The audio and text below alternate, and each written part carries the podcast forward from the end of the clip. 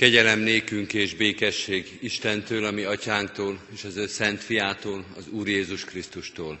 Amen. Ami segítségünk és vigasztalásunk jöjjön az Úrtól, aki Atya, Fiú, Szentlélek, teljes szent háromság, egy örök és igaz Isten. Amen. Valljuk meg testvéreim a Szent Háromság Istenbe vetett hitünket az apostoli hitvallás szavaival. Hiszek egy Istenben, mindenható atyában, mennek és földnek teremtőjében, és Jézus Krisztusban, az ő egyszülött fiában, ami Urunkban, aki fogantatott Szentlélektől, született Szűz Máriától, szenvedett Poncius Pilátus alatt, megfeszítették, meghalt és eltemették. Alászállt a poklokra Harmadnapon feltámadt a halottak közül, fölment a mennybe, ott ül a mindenható Atya Isten jobbján, onnan jön el ítélni élőket és holtakat. Hiszek szent lélekben, hiszem az egyetemes Anya Szent Egyházat, a szentek közösségét, a bűnök bocsánatát, a test feltámadását és az örök életet. Amen. Imádkozzunk! Urunk, mi is hozzád menekülünk, és beléd vetjük a bizalmunkat, a hitünket, beléd kapaszkodunk, amikor a gyász és a szomorúság körülvesz bennünket. Mert életünk vígnapjaiban és örömeiben is volt hozzád út, és volt hozzád reménység, és hozzád fűzött a hit. Urunk, ne hagyj el minket a szomorúság idejében sem.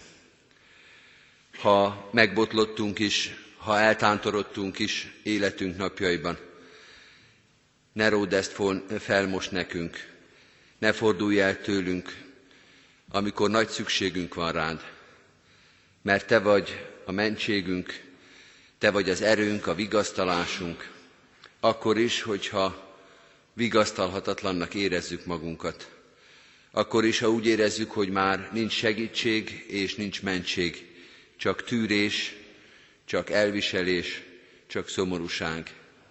Lásd meg, mi van a szívünkben, te, aki mindent tudsz, aki mindent látsz. Jöjj, és légy jelen az életünkben akkor is, amikor a szomorúság, a fájdalom, a gyász az, ami mindent meghatároz. Vedd át a hatalmat a szívünk fölött. Győzd le a gyászt, a szomorúságot. Te légy az, aki mindent kitöltesz. Te légy az, aki a kérdéseinkre válaszolsz. Te légy az, aki az életünket számon tartod, megerősíted, felemeled. Amen. Kedves testvérek, mai vigasztaló Isten tiszteletünkön a 22. Zsoltárból olvasom Isten igéjét, a 22. Zsoltár első 22 verséből a következőképpen. Én Istenem, én Istenem, miért hagytál el engem? Távol van tőlem a segítség, pedig jajgatva kiáltok. Istenem, hívlak nappal, de nem válaszolsz, éjszaka is, de nem tudok elcsendesedni. Pedig te szent vagy, trónodon ülsz, rólad szólnak Izrael dicséretei. Benned bíztak őseink, bíztak és megmentetted őket. Hozzád kiáltottak segítségért és megmenekültek. Benned bíztak és nem szégyenültek meg. De én féreg vagyok, nem ember. Gyaláznak az emberek és megvet a nép. Gúnyolódnak rajtam mind, akik látnak, ajkukat bigyeztik, fejüket csóválják, az Úrra bízta magát, mentse hát meg őt, szabadítsa meg, hiszen kedvelte. Te hoztál ki anyám méhéből, biztonságba helyeztél anyám emlőin. Már anyám ölében is rád voltam utalva, anyám méhében is te voltál, Istenem. Ne légy távol tőlem, mert közel van a baj, és nincs, aki segítsen. Hatalmas bikák vettek körül, bekerítettek a básáni bivajok, föltámadtak rám, és szájukat vicsorgatják, mint a marcangoló, ordító oroszlán. Szétfolytam, mint a víz, kificamodtak csontjaim, szívem megolvad bennem, mint a viasz, torkom kiszáradt, mint a cserép, nyelvem az inyemhez tapadt, a halál porába fektettél. Mert kutyák vettek körül engem, gonoszok csoportja kerített be, átjukasztották kezemet, lábamat, megszámlálhatnám minden csontomat, ők pedig csak bámulnak, néznek reám. Megosztoznak ruháimon, köntösömre sorsot vetnek.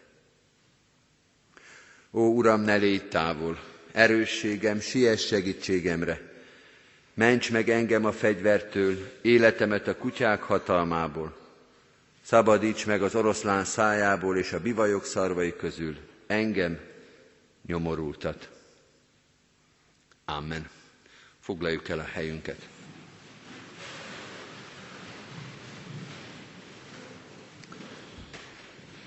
Kedves testvérek, akik a gyász terhét hordozzák, hordozzuk, vagy akik bármilyen helyzetben olvassák a 22. Zsoltárt, több dologra is ráismerhetnek. Talán a legjellemzőbb az, amit erről a Zsoltáról tudunk, és amit nem ismerve is meg-meghallunk, hogy visszaköszön ebből az Ószövetségi régi Zsoltárból egy számunkra fontos újszövetségi történet. Jézus imádkozza ezt a Zsoltárt a kereszten, de nem csak imádkozza, hanem mintha egy forgatókönyv alapján végigvenné a szenvedésének a történetét, Jézus szenvedésének a története, fejezetei, epizódjai jelennek meg ebben a sok ezer éves Zsoltárban.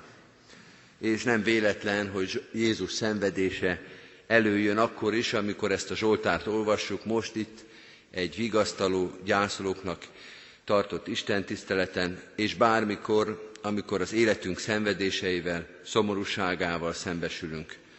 Mert a mi szomorúságunk és a mi betegségünk, a mi gyászunk oda köthet, és köszön, kössön is oda a miattunk szenvedő Jézushoz. Tehát az első dolog, amit ebben a Zsoltárban meghallunk, az a Jézus hangja, Jézusnak, a kereszten szenvedő Jézusnak a hangja, néhány mondata szinte szóról szóra, de az egész szenvedés is a méltatlan, a segítség nélküli, az elhagyatottságban való szenvedés. A másik dolog, ami viszont ebben a Zsoltárban megjelenik, az nem egy konkrét történet, hanem sokkal inkább egy hangnem, vagy egy tónus. Nem is egy. Én most, ahogy összefoglaltam ezt a Zsoltárt, három olyan hangot találtam meg benne, vagy hallottam meg benne, amely segítségünkre lehet. Három olyan hang, amely a gyászoló, a szenvedésben, a szomorúságban lévő ember számára segítség lehet. Az őszinteség, az Istenre utaltság és a bizalom. Hallgassuk ezt a három hangot, ne csak itt most, ezen az Isten tiszteleten, hanem hazavíve, újra kézbe véve ezt a Zsoltárt, figyeljünk ennek a Zsoltárnak az alaphangjaira. Az őszinteség, a szomorúság Isten előtt. Azelőtt az Isten előtt, aki mindent lát, akinek tulajdonképpen nem kellene semmit mondani. Aki jobban tudja, hogy mi van bennünk, mint ahogy azt mi tudjuk, vagy ahogy azt mi kimerjük mondani. Mert bizony a hívő embernek sokszor van ilyen félelme, szabad-e nekünk szomorúnak lenni. Nem azt várja el tőlünk a világ, hogy még a temetőben is, még a koporsó mellett is, még a gyászban is bizakodók, reményteljesek, derűsek legyünk, utalva a feltámadásra, utalva az örök életre. Mi okunk lenne a szomorúságra? Nem a hitünknek a gyengeségét, nem a hitünknek a hiányát mutatja el, hogyha sír a szemünk. A keresztény embernek sokszor van ilyen kísértése, vagy ilyen nyomás a keresztény emberen. Hogy a hitetlenek persze szomorkodnak, kétségbe vannak esve, de ti keresztények, ne szomorkodjatok még a temetőkertben sem. A 22. Zsoltárban sok-sok szomorúságot olvasunk. Isten előtti szomorúságot, sőt értetlenséget, elkeseredettséget. Hol vagy Istenem? Te, akiről az atyáink azt mondták, hogy megszabadított minket Egyiptomban, a pusztai vándorlásba, te, aki a régieknek segítettél, hogy, hogy a maiaknak nem segítesz. Akikről a hitvalló énekek szólnak, akikről az atyáink beszéltek, azokról a szabadításokról, a csodáidról. Én itt vagyok szomorúságban, itt vagyok kétségbeesésben, és nem látok semmit ebből. Az őszinteség az Isten előtt. Tudom, hogy azt kellene sugároznom, hogy bízom a feltámadásban, a vigasztalásban. Tudom, hogy az kellene az üzenet legyen az életemnek, hogy a halál árnyékának völgyében járok is, de nem félek a gonosztól. De ami most a szívemben és a hétköznapjaimban van, az sokkal inkább szomorúság, fájdalom és gyász. Isten előtti őszinteség. Minden színészkedéstől, minden helyezkedéstől, minden túlzástól mentesen, mindaz, ami a szívünkben van. A 22. Zsoltár, és egyébként sok-sok másik Zsoltár is őszinteségre és nyíltságra tanít. Ha emberek előtt talán nem is, ha mások előtt talán nem is, ha még a legközvetlenebb szeretteink előtt nem is lehet őszintének lenni, azt mondja a Zsoltár, ha csak egyetlen valaki van, aki előtt őszinte lehetsz, az Úristen, előtte tényleg lehetsz. Ő neki elmondhatod, ő neki megnyithatod a szívedet. Ha nincs is más, aki előtt beszélhetsz nyíltan, Isten előtt, elmondhatod, mi van benned. Istenem, hívlak nappal, de nem válaszolsz, éjszaka is, de nem tudok elcsendesedni. Rád vagyok utalva, azt is érzem, hogy szükségem van rád, és akkor is szólok hozzád, ha nem találom a hozzád vezető utat. Mert a második gondolat, a második hang, amit megjelent ez a Zsoltár, az Istenre utaltság. Nincs másban segítség. Pedig sokan akarnak segíteni, sokan mondanak sok mindent, és bizonyára jó szándékkal is. A 22. Zsoltárban ez a jó szándék talán annyira nem is érződik. Sokkal inkább a rossz indulat, az áskálódás, a gúny jelenik meg. De mondjuk, hogy minket sokan vigasztalnak, jó szándékkal, szeretettel. Kedves testvérek, olyan tehetetlen az ember a gyászban. Annyi mindent mond, aminek szinte nincs is tartalma. Néha magunk is érezzük, hogy jobb lenne nem is mondani semmit, csak hallgatni, csak megölelni a másikat, mert a szavaink erőtlenek, hazugságnak, színészkedésnek, üresnek tetszenek az emberi szavak. És akkor jön a 22. Zsoltár, és azt mondja, az emberi szó az tényleg néha kiürül. Nincs segítség, nincs tartalom, nincs vigasztalás másban, de te benned van. Te tudod, mi van a szívemben. Te ismersz engem, még hogyha féreg is vagyok, a legkisebb vagyok, még ha senki másban nem is reménykedhetem. Te ismered az életemet, a szomorúságomat és a fájdalmamat. Az Isten előtti kitárulkozás, az Istenre utaltság Zsoltára, 22. Zsoltár. Te hoztál ki engem anyám méhéből, biztonságba helyeztél anyám emlőin. Már anyám ölében is rád voltam utalva, anyám méhében is, te voltál Istenem. A kezdetektől egészen a végig.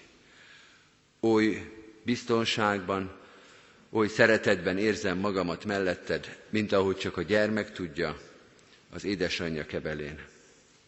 Az Istenre utaltság, az Istenre bizakodás, az Istenre figyelés. A bizalom. Ez a harmadik hangja ennek a Zsoltárnak.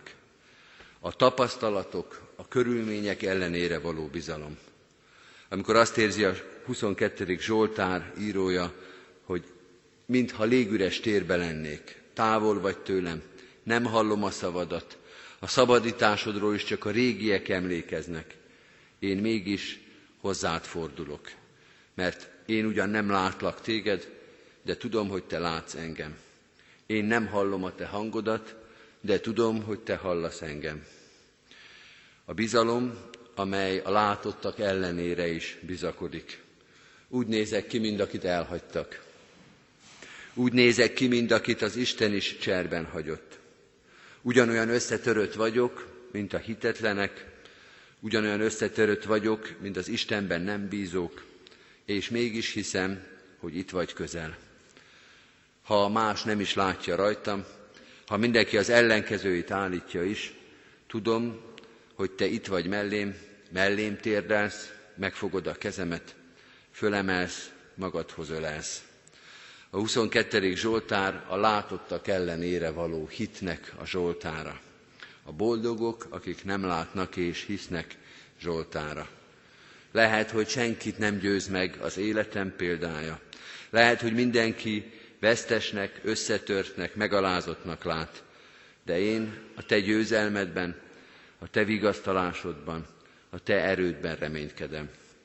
Az a bizalom ez, amelyet nem győz meg, és nem győz le a világ szétesettsége, a világ hitetlensége, a világ gúnyolódása.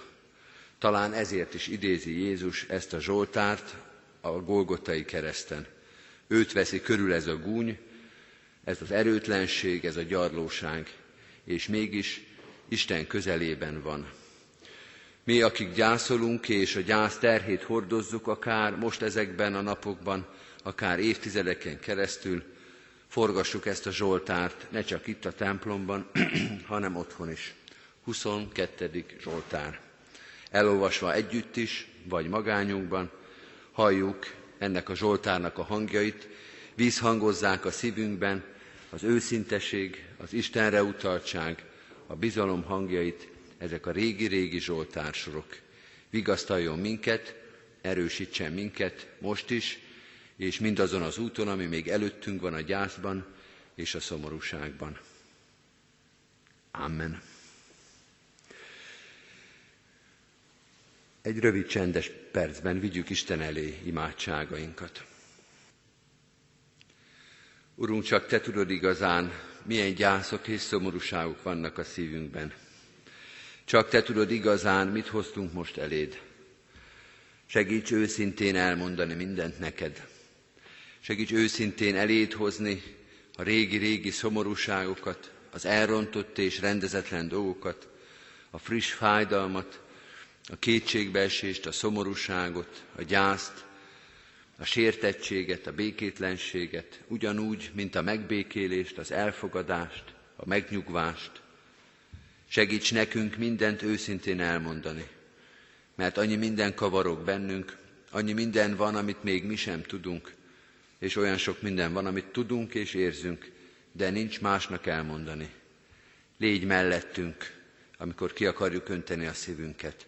Hallgass meg minket, amikor szeretnénk arról beszélni, mi van az életünkben. Te, aki teremtettél minket, Te, aki erősítettél, aki gyászunkban is mellettünk voltál, maradj velünk ezzel a hűségeddel és szereteteddel. Te ismered a veszteségeinket, de ismered mindazt a gazdagságot is, amelyet megéltünk. Ezért ebben a szomorú órában is ad, hogy őszintén és teljes szívvel tudjunk hálát adni azokért az életekért, amelyek körülvesznek és körülvettek bennünket. Hálát adni akkor is, hogyha el kellett búcsúzni, ha el kellett engedni, ha kiszakította őket az életünkből, a szívünkből a halál.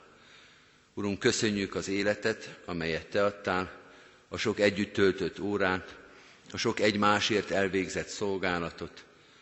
Köszönjük az őszintességet, az egymásra figyelést, Köszönjük azt, hogyha megvigasztalódhattunk, ha háborúságainkban, békétlenségünkben békességre leltünk. Köszönjük a megbocsátó szavakat, a megengesztelődést, az elrendezett dolgokat. Reált bízzuk azt, amit mi már nem tudtunk elrendezni. Reált bízzuk a meg nem válaszolt kérdéseket, az elszalasztott alkalmakat. Te teremts békét ott és azokban a helyzetekben, amelyekhez nekünk már nincs hozzáférésünk. Nálad van a békesség, nálad van a megbocsátás, nálad van a szentség, a tisztaság. Sok-sok zavaros, elrendezetlen dolgainkban te légy segítségül. Köszönjük azoknak az életét, akik értünk éltek, akik minket erősítettek. Köszönjük az örökséget, amelyet rajtuk keresztül kaptunk, amire megtanítottál, amire elvezettél. ami azért van bennünk, mert velük együtt élhettünk, mert őtőlük kaptuk, ők tanítottak meg minket, ők neveltek és vezettek egy útra.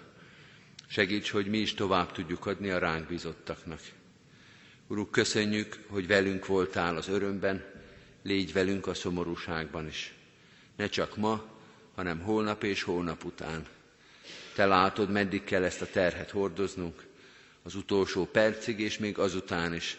Állj mellettünk ennek a tehernek a hordozásában.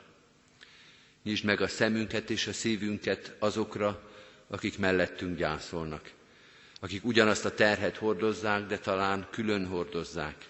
Segíts megfogni egymás kezét, odafigyelni egymásra, gyászunk terhének hordozásában egymást erősíteni. Így imádkozunk nem csak a gyászoló családokért, hanem a gyülekezetért is. Adj őszinte és odafigyelő imádságot, hogy egymás terhét hordozhassuk, így töltsük be a Krisztus törvényét. Imádkozunk minden testvérünkért ebben a gyülekezetben és a távolban. Add, hogy szolgálatunkat, küldetésünket be tudjuk tölteni, hogy hirdethessük az örök élet evangéliumát szerte ebben a világban. Imádkozunk azokért, akik most fognak majd ilyen nehéz helyzetbe kerülni, akiknek az élete most telik meg szomorúsággal és gyászsal. Add, hogy segítséggel, imádsággal, odafigyeléssel állhassunk mellettük. Imádkozunk az erősekért, a mások terhét hordozókért, a másokat támogatókért. Te adj az erőhöz, a szolgálathoz alkalmasságot, engedelmességet, alázatot. Imádkozunk a városunkért, magyar társadalmunkért, az egész emberiségért, a menekültekért, a békétlenségben, háborúságban élőkért. Imádkozunk a körülöttünk élő népekért. Urunk, Te, aki a történelmnek ura vagy, adj békességet, Krisztus ismeretet nekünk. Amen. Az Úrtól tanult imádságot együtt és fennállva mondjuk el. Mi atyánk, aki a mennyekben vagy, szenteltessék meg a te neved. Jöjjön el a te országod, legyen meg a te akaratod, amint a mennyben, úgy a földön is. Mindennapi kenyerünket add meg nékünk ma, és bocsásd meg védkeinket, miképpen mi is megbocsátunk az ellenünk védkezőknek. És ne vigy minket kísértésbe, de szabadíts meg a gonosztól, mert tiéd az ország, a hatalom és a dicsőség, mind örökké. Amen. Mindezek után Istennek népe, áldjon meg tégedet az Úr, és őrizzen meg tégedet. Világosítsa meg az Úr az ő orcáját te rajtad, és könyörüljön te rajtad. Fordítsa az Úr az ő orcáját terejád, és adjon vigasztalást, békességet néked. Amen.